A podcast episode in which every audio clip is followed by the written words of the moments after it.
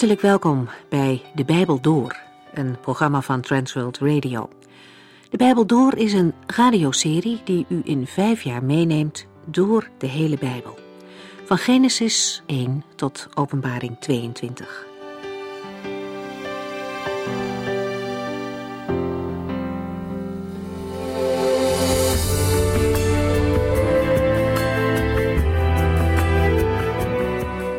Fijn dat u weer luistert.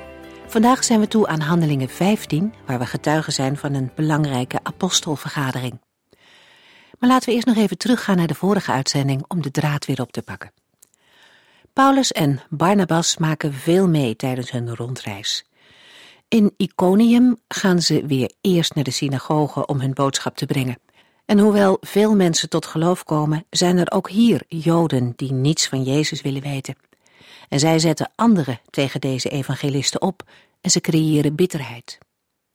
De evangelisten laten zich echter niet ontmoedigen en ze spreken met veel openheid. De reacties van mensen zijn niet bepalend voor hun missie, maar de zekerheid dat de Heilige Geest hen leidt is dat wel. Ze gaan door omdat ze door Christus gestuurd zijn. De Heer bevestigt hun woorden dan ook met wonderen. Uiteindelijk escaleert de situatie zodanig dat Paulus en Barnabas voor hun leven moeten vluchten. Zij trekken verder naar Lystra. En daar ontmoeten ze een verlamde man. Zijn situatie is uitzichtloos. Hij kan niets en hij heeft ook geen hoop. Totdat hij via deze discipelen Jezus Christus ontmoet. Hij wordt genezen en hij krijgt een nieuwe toekomst. De omstanders zijn ervan overtuigd dat de goden in mensengedaante bij hen gekomen zijn en ze willen direct een groot offerfeest organiseren. Dat tot grote schrik van Paulus en Barnabas. Zij weten dat de eer alleen maar aan God toekomt en ze overtuigen de mensen met moeite ervan dat zij gewone mensen en geen goden zijn. Het verblijf in Lystra eindigt dramatisch. Er komen Joden uit andere streken die opnieuw onrust gaan stoken. Zij vertellen slechte dingen over Paulus en Barnabas. De mensen geloven de leugens maar al te makkelijk en hun enthousiasme slaat om in haat. Ze gooien stenen en laten Paulus bijna dood achter. Door een wonder van God kan hij toch weer verder reizen. En de volgende stopplaats is Derbe, waar opnieuw veel mensen tot geloof komen. Op de terugreis langs bekende plaatsen moedigen ze de gelovigen aan om toch vooral vast te blijven houden aan wat ze ontvangen hebben van de Heer. Hoe het verder gaat, dat lezen we in Handelingen 15.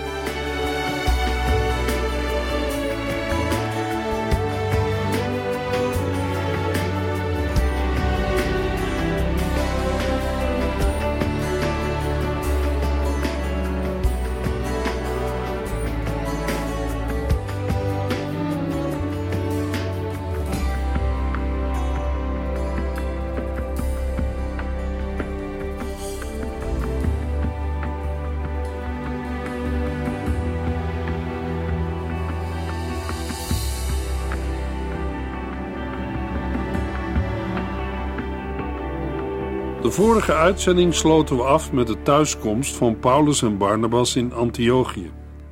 Ze waren weer terug in de stad waar de eerste zendingsreis was begonnen.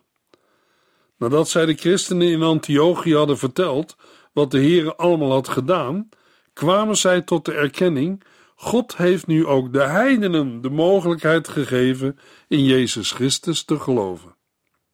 Handelingen 14, vers 28. Paulus en Barnabas bleven nog een hele tijd bij de christenen in Antiochië. Hoe lang Paulus en Barnabas in Antiochië bleven, wordt niet aangegeven. Maar een hele tijd wijst op een langere duur. In deze periode vindt de vergadering plaats waarover we in Handelingen 15 gaan lezen. Ook wat in Galaten 2 vers 11 staat beschreven, de discussie tussen Paulus en Petrus, heeft zich vermoedelijk in deze periode afgespeeld. We lezen in Gelaten 2 dat Petrus bang was dat de mannen die de besnijdenis zo belangrijk vonden, kritiek op hem zouden hebben. Eerst had hij namelijk met niet-Joodse christenen gegeten, maar toen er enkele Joden uit de groep van Jacobus kwamen, deed hij dat niet meer en at voortaan apart. Gelaten 2 vers 11 tot en met 16. Handelingen 15 vers 1 Enkele mannen uit Judea kwamen de christenen van Antiochië vertellen dat ze niet gered konden worden als ze zich niet eerst, volgens Joods gebruik, lieten besnijden. In de eerste vijf versen van Handelingen 15 wordt de aanleiding en voorgeschiedenis beschreven van het zogenaamde apostelconvent in Jeruzalem. De doorbraak van de zending onder de heidenen stelde met name een groep Joodse christenen voor de vraag of ook de niet-Joden die tot geloof kwamen zich aan de regels en voorschriften van de wetten van Mozes moesten houden. In Handelingen 15 spitst deze vraag zich met name toe op het punt van de besnijdenis. De besnijdenis, waarbij de voorhuid van een jongetje op de achtste levensdag werd verwijderd, gold in het Oude Testament als teken van de inlijving bij het volk Israël en het verbond van de Here. Genesis 17. In Antiochië komen een aantal broeders uit Judea vertellen dat de besnijdenis ook in het nieuwe verbond, Hebreeën 8, vers 10 en 13, noodzakelijk is om gered te worden. Handelingen 15, vers 2. Paulus en Barnabas waren het daar helemaal niet mee eens en raakten met hen in een heftige discussie gewikkeld. Ten slotte werden Paulus en Barnabas met enkele anderen naar de apostelen en leiders in Jeruzalem gestuurd om hun deze kwestie voor te leggen. De christenen brachten hen een eind weg en gingen toen naar de stad terug. Het nieuws over dit probleem bereikt de gemeente in Jeruzalem. De apostelen moeten nu handelen. Wat voor lijn moet er nu worden gevolgd? Paulus en Barnabas met enkele anderen worden naar Jeruzalem gestuurd om de kwestie te bespreken. Zo komt het eerste apostelconvent in Jeruzalem bijeen om de zaak op te lossen. In de geschiedenis van de kerk zijn er regelmatig kerkvergaderingen of concilies geweest die over andere grote twistpunten hebben beslist. Vandaag aan de dag zullen we ons moeten realiseren dat een concilie of een kerkvergadering waar Christus zelf niet het centrum is en centraal staat, ver verwijderd is van het eerste apostelconvent in Jeruzalem. Wie de besnijdenis of welk ander menselijk werk als voorwaarde voor het heil stelt, tast het evangelie van de genade in de kern aan. Daarom ook het heftige verzet van Paulus en Barnabas. Het verzoeningswerk van Christus staat op het spel. De oplossing van het conflict tussen Paulus en de Judaïsten, Joodse christenen, die een strenge wetshandhaving ook voor niet-Joodse christenen voorstonden, wordt in Jeruzalem gezocht. Het probleem moet op het hoogste niveau worden opgelost. Jeruzalem was de moederkerk, waar zich in ieder geval nog een aantal apostelen bevonden. De eenheid in de leer staat op het spel. Als deze Judese broeders het standpunt van de gemeente van Jeruzalem vertegenwoordigen, hoe is dit dan te rijmen met de verkondiging van Paulus? Dan dreigt er een tegenstelling te ontstaan tussen de Joodse en niet-Joodse christenen, terwijl het toch maar één evangelie is. Handelingen 15, vers 3. De mannen reisden door Fenicië en Samaria en gingen onderweg bij de verschillende christenen langs. Die waren blij te horen dat ook niet-Joden tot bekering waren gekomen en in Jezus Christus geloofden. Paulus en Barnabas maken van de gelegenheid gebruik om verschillende christenen te bezoeken. Opvallend is dat zij meer onbevangen reageren op de bekering van heidenen dan de Joodse christenen uit Jeruzalem. De vraag naar de toepassing van de Joodse wetten op niet-Joden lijkt bij hen een minder belangrijke rol te spelen. De Joden die in een heidense omgeving woonden, waren zelf ook niet altijd in staat om zorgvuldig de wetten na te komen als hun geloofsgenoten in Jeruzalem. Bovendien waren zij eraan gewend dat hun synagoge werd bezocht door onbesneden heidenen, die sympathiek stonden tegenover het Joodse geloof. Het evangelie wordt in het Nieuwe Testament in twee betekenissen gebruikt. Allereerst zijn er de feiten van het evangelie. Deze zijn absoluut fundamenteel en essentieel. Paulus geeft die feiten in de eerste vijf versen van 1 Corinthiërs 15. Het is op grond van de Bijbel zelf onmogelijk om als christenen verschillend over deze feiten te denken en te spreken. 1 Corinthiërs 15, vers 1 tot en met 5. Ik kom bij u met het goede nieuws dat ik u al eens eerder heb gebracht. U hebt het aangenomen en het is nu de basis van uw leven. Als u blijft bij wat ik u heb gezegd, is dat uw redding. Anders had u net zo goed niet gelovig kunnen worden. Het belangrijkste van het goede nieuws dat ik heb ontvangen en u heb doorgegeven is dit: Christus is voor onze zonde gestorven, zoals voorzegd is in de boeken. Hij werd begraven en is op de derde dag weer levend gemaakt, wat ook in de boeken stond. Hij is gezien door Petrus en daarna door de twaalf apostelen samen. De feiten van het evangelie zijn de dood, de begrafenis en de opstanding van de persoon van Jezus Christus. Over de opstanding lezen we in hetzelfde hoofdstuk, vers 15 tot en met 17. Erger nog, dan zijn wij bedriegers omdat wij tegen God in hebben verklaard dat Hij Christus weer levend heeft gemaakt.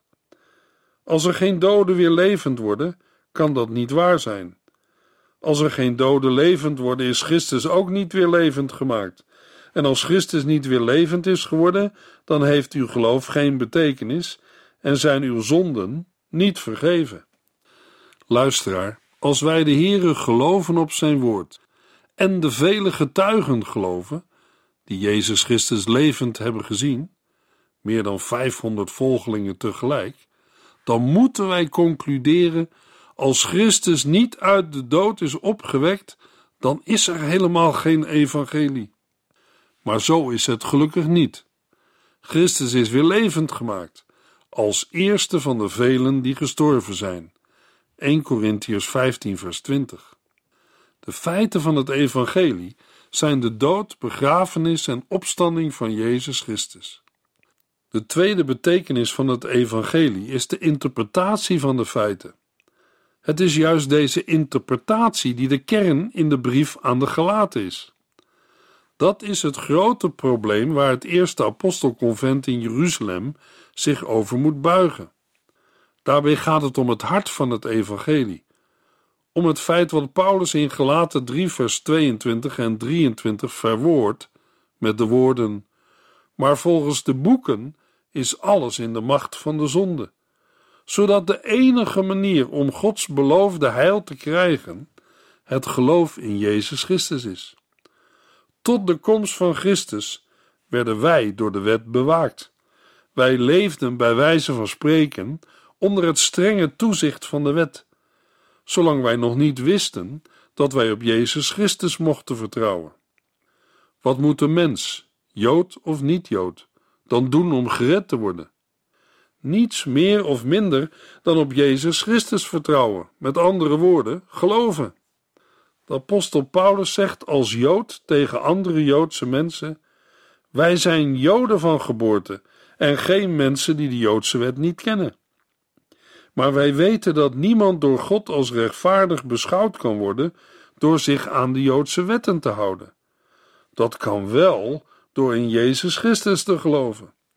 Ook wij konden door ons geloof in Christus Jezus met God in het reine komen en niet door de wet te houden. Het is uitgesloten dat iemand het met God in orde kan maken door de wet te gehoorzamen. Gelaten 2, vers 15 en 16. Dit is belangrijk om in te zien en te aanvaarden. In de eerste eeuw ontkenden de Judaïsten de feiten van het evangelie niet. Er waren te veel ooggetuigen die Christus levend hadden gezien. In 1 Corinthians 15 heeft Paulus het over meer dan 500 mensen. Als 500 mensen in een rechtszaal voor je getuigen, dan zul je de rechtszaak zeker winnen. Ook de apostelen waren getuigen van de opgestane Christus. Handelingen 4, vers 33. De apostelen verkondigden met grote overtuigingskracht dat de Heer Jezus uit de dood was opgestaan en Gods zegen rustte op hen allen. De feiten van het evangelie stonden voor de Judaïsten Joodse christenen die de wet wilden houden, niet ter discussie. De discussie ging over de interpretatie van die feiten. Is het werk van Christus voldoende om een mens te redden, of moet er nog iets bij? We gaan verder lezen in Handelingen 15. Paulus en Barnabas met enkele anderen komen in Jeruzalem aan. Handelingen 15, vers 4. Toen ze in Jeruzalem kwamen, werden zij door de christengemeente, de apostelen en de leiders met open armen ontvangen. Paulus en Barnabas vertelden wat God met hen had gedaan. Na verwelkoming door de gemeente van Jeruzalem vertelt Paulus over hetgeen de Heere tijdens hun eerste zendingsreis heeft gedaan. Hoewel hij moet weten dat er onder zijn gehoor wel een aantal broeders zijn die niet met hem zullen instemmen, schrikt hij er niet voor terug om de doorbraak van de zending onder de heidenen aan de Heere zelf toe te schrijven. De meeste apostelen zullen in de loop van de jaren Jeruzalem hebben verlaten. Van de oorspronkelijke twaalf komt alleen Simon Petrus nog ter sprake, vers 7, terwijl Gelaten 2, vers 9 nog Johannes noemt. Handelingen 15, vers 5. Maar sommige van de fariseeën die christen waren geworden, zeiden: Als die mensen christenen willen zijn, moeten zij zich ook laten besnijden en de wetten van Mozes houden. Een groep gewezen fariseeën, waartoe waarschijnlijk ook de broeders uit Judea van vers 1 behoren, is echter van mening dat ook de niet-Joodse bekeerlingen geleerd moet worden zich aan alle voorschriften van de wet van Mozes te houden en zich ook moeten laten besnijden. Met het christelijk geloof deelden de Fariseeën een aantal belangrijke opvattingen, onder andere leven na de dood, lichamelijke opstanding, bestaan van engelen. Waardoor de overgang naar het christelijk geloof met betrekking tot de leer voor velen relatief gemakkelijk was. Zij voegden bij hun bestaande denkbeelden de dood en opstanding van Jezus Christus en de erkenning van zijn messiaschap. Maar daarmee bleven zij in een wettische godsdienstigheid steken die haak staat op het evangelie van genade. Volgens deze judaïsten was het voor een heiden niet genoeg dat hij of zij geloofde in de Heer Jezus. Pas wanneer een niet-Jood bij Israël werd ingelijfd, door zich daadwerkelijk tot het Jodendom te bekeren, inclusief het houden van de wet en de besnijdenis, kon hij deel krijgen aan het Messiaanse heil. In de ogen van deze voormalige Fariseeën was het Gods wil dat de heidenen werden besneden. Handelingen 15, vers 6. De apostelen en leiders kwamen in een speciale vergadering bijeen om deze kwestie te bespreken. Uit vers 12 en vers 22 valt af te leiden dat deze speciale vergadering niet achter gesloten deuren werd gehouden, in de besloten kring van apostelen en leiders, maar in tegenwoordigheid van de hele gemeente. De leiders en de apostelen worden genoemd als de leidinggevende personen die direct met het conflict te maken hebben. Handelingen 15, vers 7. Na veel heen en weer gepraat stond Petrus op. Broeders, zei hij, u weet allemaal dat God mij uit uw midden heeft uitgekozen om het goede nieuws van Jezus Christus aan de andere volken bekend te maken en hen tot geloof te brengen. Ook de apostelen en leiders denken verdeeld over de vraag of en zo ja, welke eisen er aan de niet-Joodse bekeerlingen mogen worden gesteld. Er ontstaat dan ook een heftige discussie. Dan neemt Petrus de leiding en spreekt de broeders toe. In de versen 7 tot en met 9 wijst hij erop dat deze zaak al veel eerder aan de orde is geweest en dat het eigenlijk niet nodig is om daar nu nog eens opnieuw over te discussiëren. Petrus doelt dan op de bekering van Cornelius en de zijnen en de bespreking die de apostelen in Jeruzalem daarna hebben gevoerd. Dat de Heere toen zijn geest over de heidenen had uitgestort, was voor allen het bewijs dat God ook hen had aanvaard. Handelingen 11, vers 17 en 18. Nu hetzelfde gebeurd is, maar op veel grotere schaal, tijdens de zendingsreis van Paulus en Barnabas, mag niemand er nu aan gaan twijfelen dat de Heere hen niet aanvaard heeft, ook al zijn ze niet besneden. De achterliggende gedachte is in ieder geval dat de Heere Petrus al lang geleden geroepen heeft om ook aan de heidenen, de niet-Joden, het evangelie te verkondigen, hen te dopen en met hen om te gaan zonder van hen bepaalde voorschriften te verlangen, zoals de besnijdenis. Redding is niet afhankelijk van het houden van bepaalde voorschriften, bijvoorbeeld het houden van de sabbat of de zondag. Het is niet afhankelijk van op zich mooie en dierbare gebruiken of gewoonten.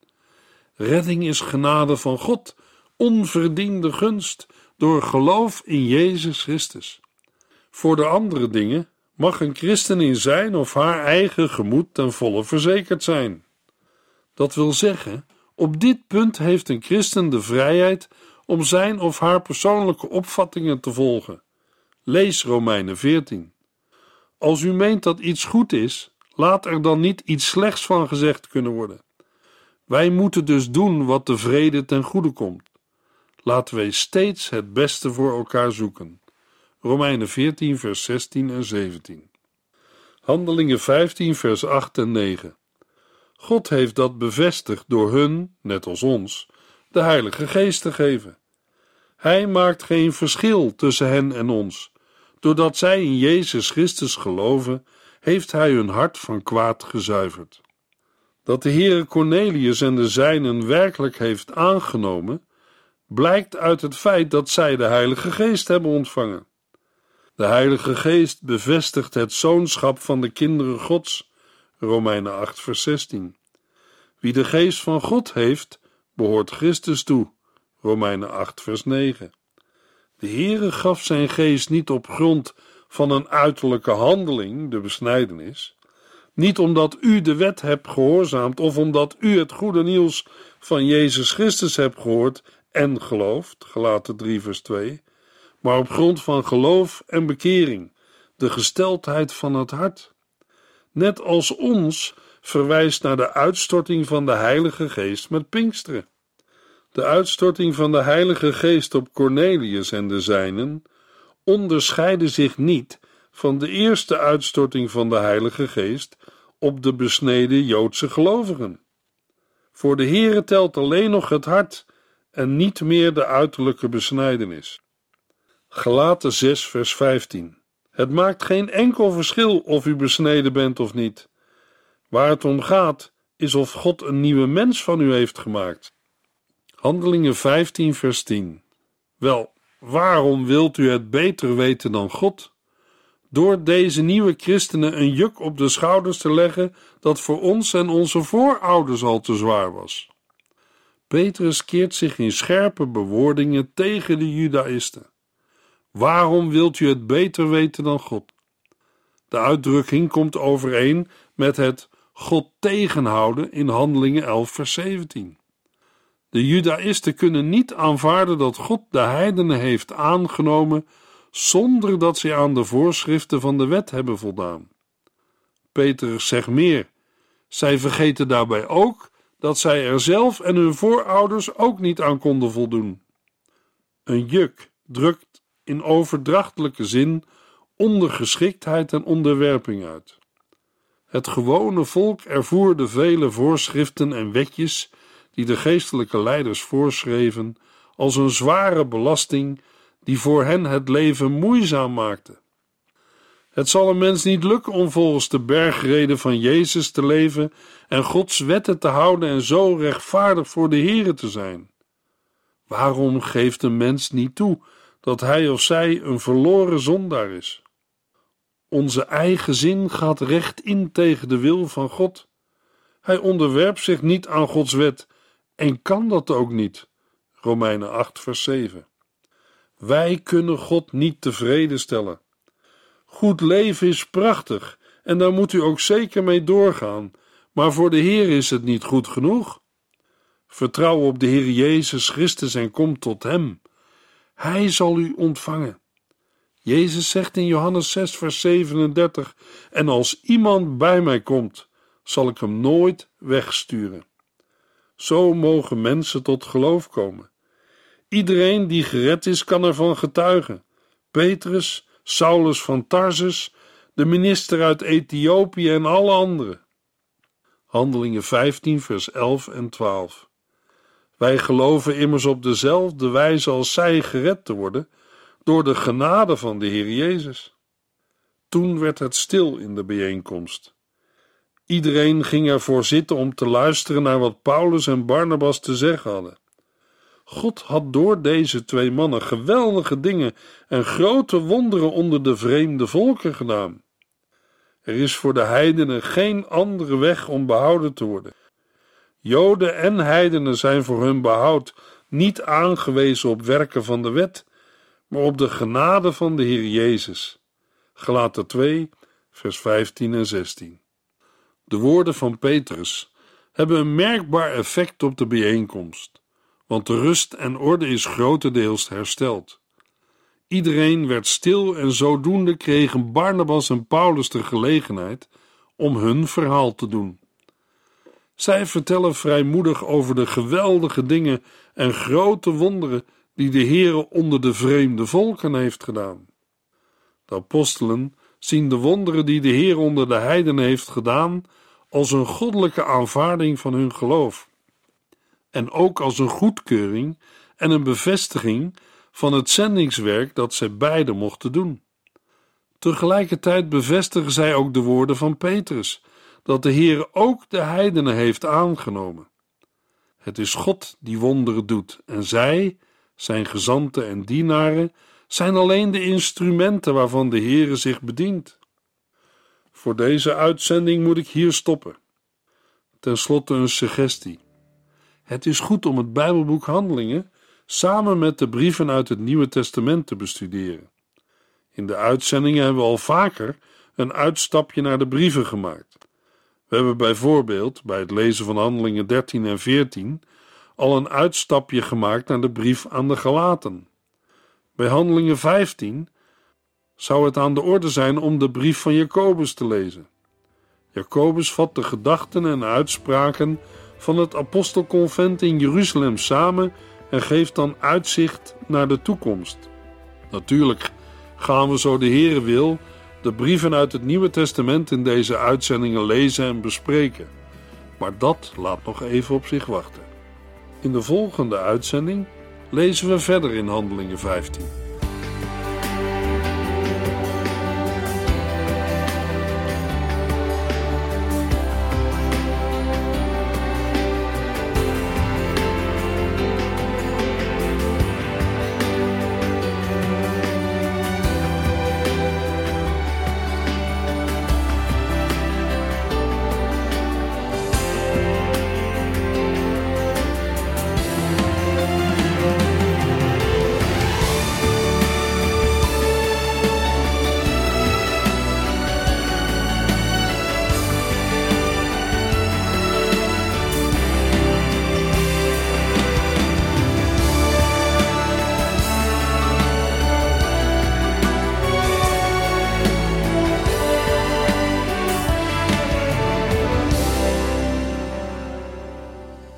Geluisterd naar De Bijbel Door. In het Nederlands vertaald en bewerkt door Transworld Radio. Een programma waarin we in vijf jaar tijd de hele Bijbel doorgaan. Als u wilt reageren op deze uitzending of u heeft vragen, dan kunt u contact met ons opnemen. Tijdens kantooruren kunt u bellen op 0342 47 8432. 0342 47 8432. 32. Ook kunt u een e-mail sturen naar de Bijbel door transworldradio.nl en natuurlijk kunt u ook via de post ons bereiken.